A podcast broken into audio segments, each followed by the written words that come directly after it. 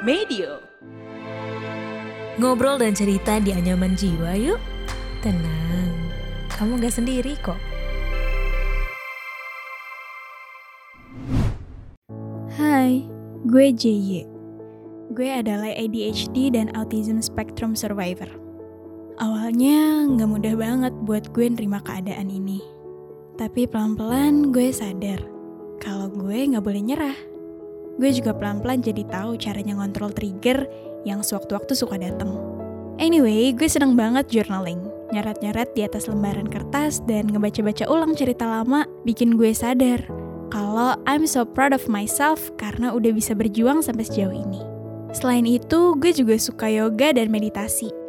Dua aktivitas itu berguna banget buat nyimbangin kesehatan mental dan fisik gue. Gue juga ikut kegiatan lain, seperti inflow dan routine flow khusus ADHD.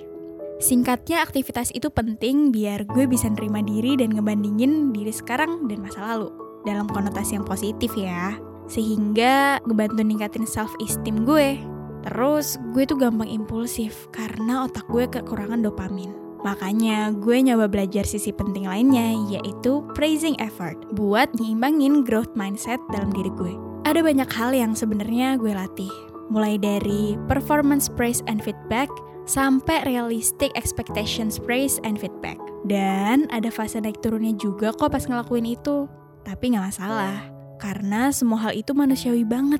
Kan gak semua progres itu harus selalu maju terus. Yang penting, kita udah usaha. Ya gak sih?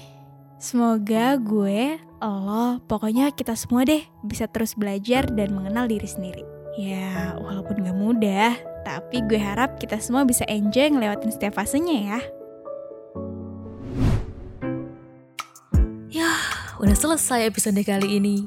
Tungguin episode Anyaman Jiwa selanjutnya ya.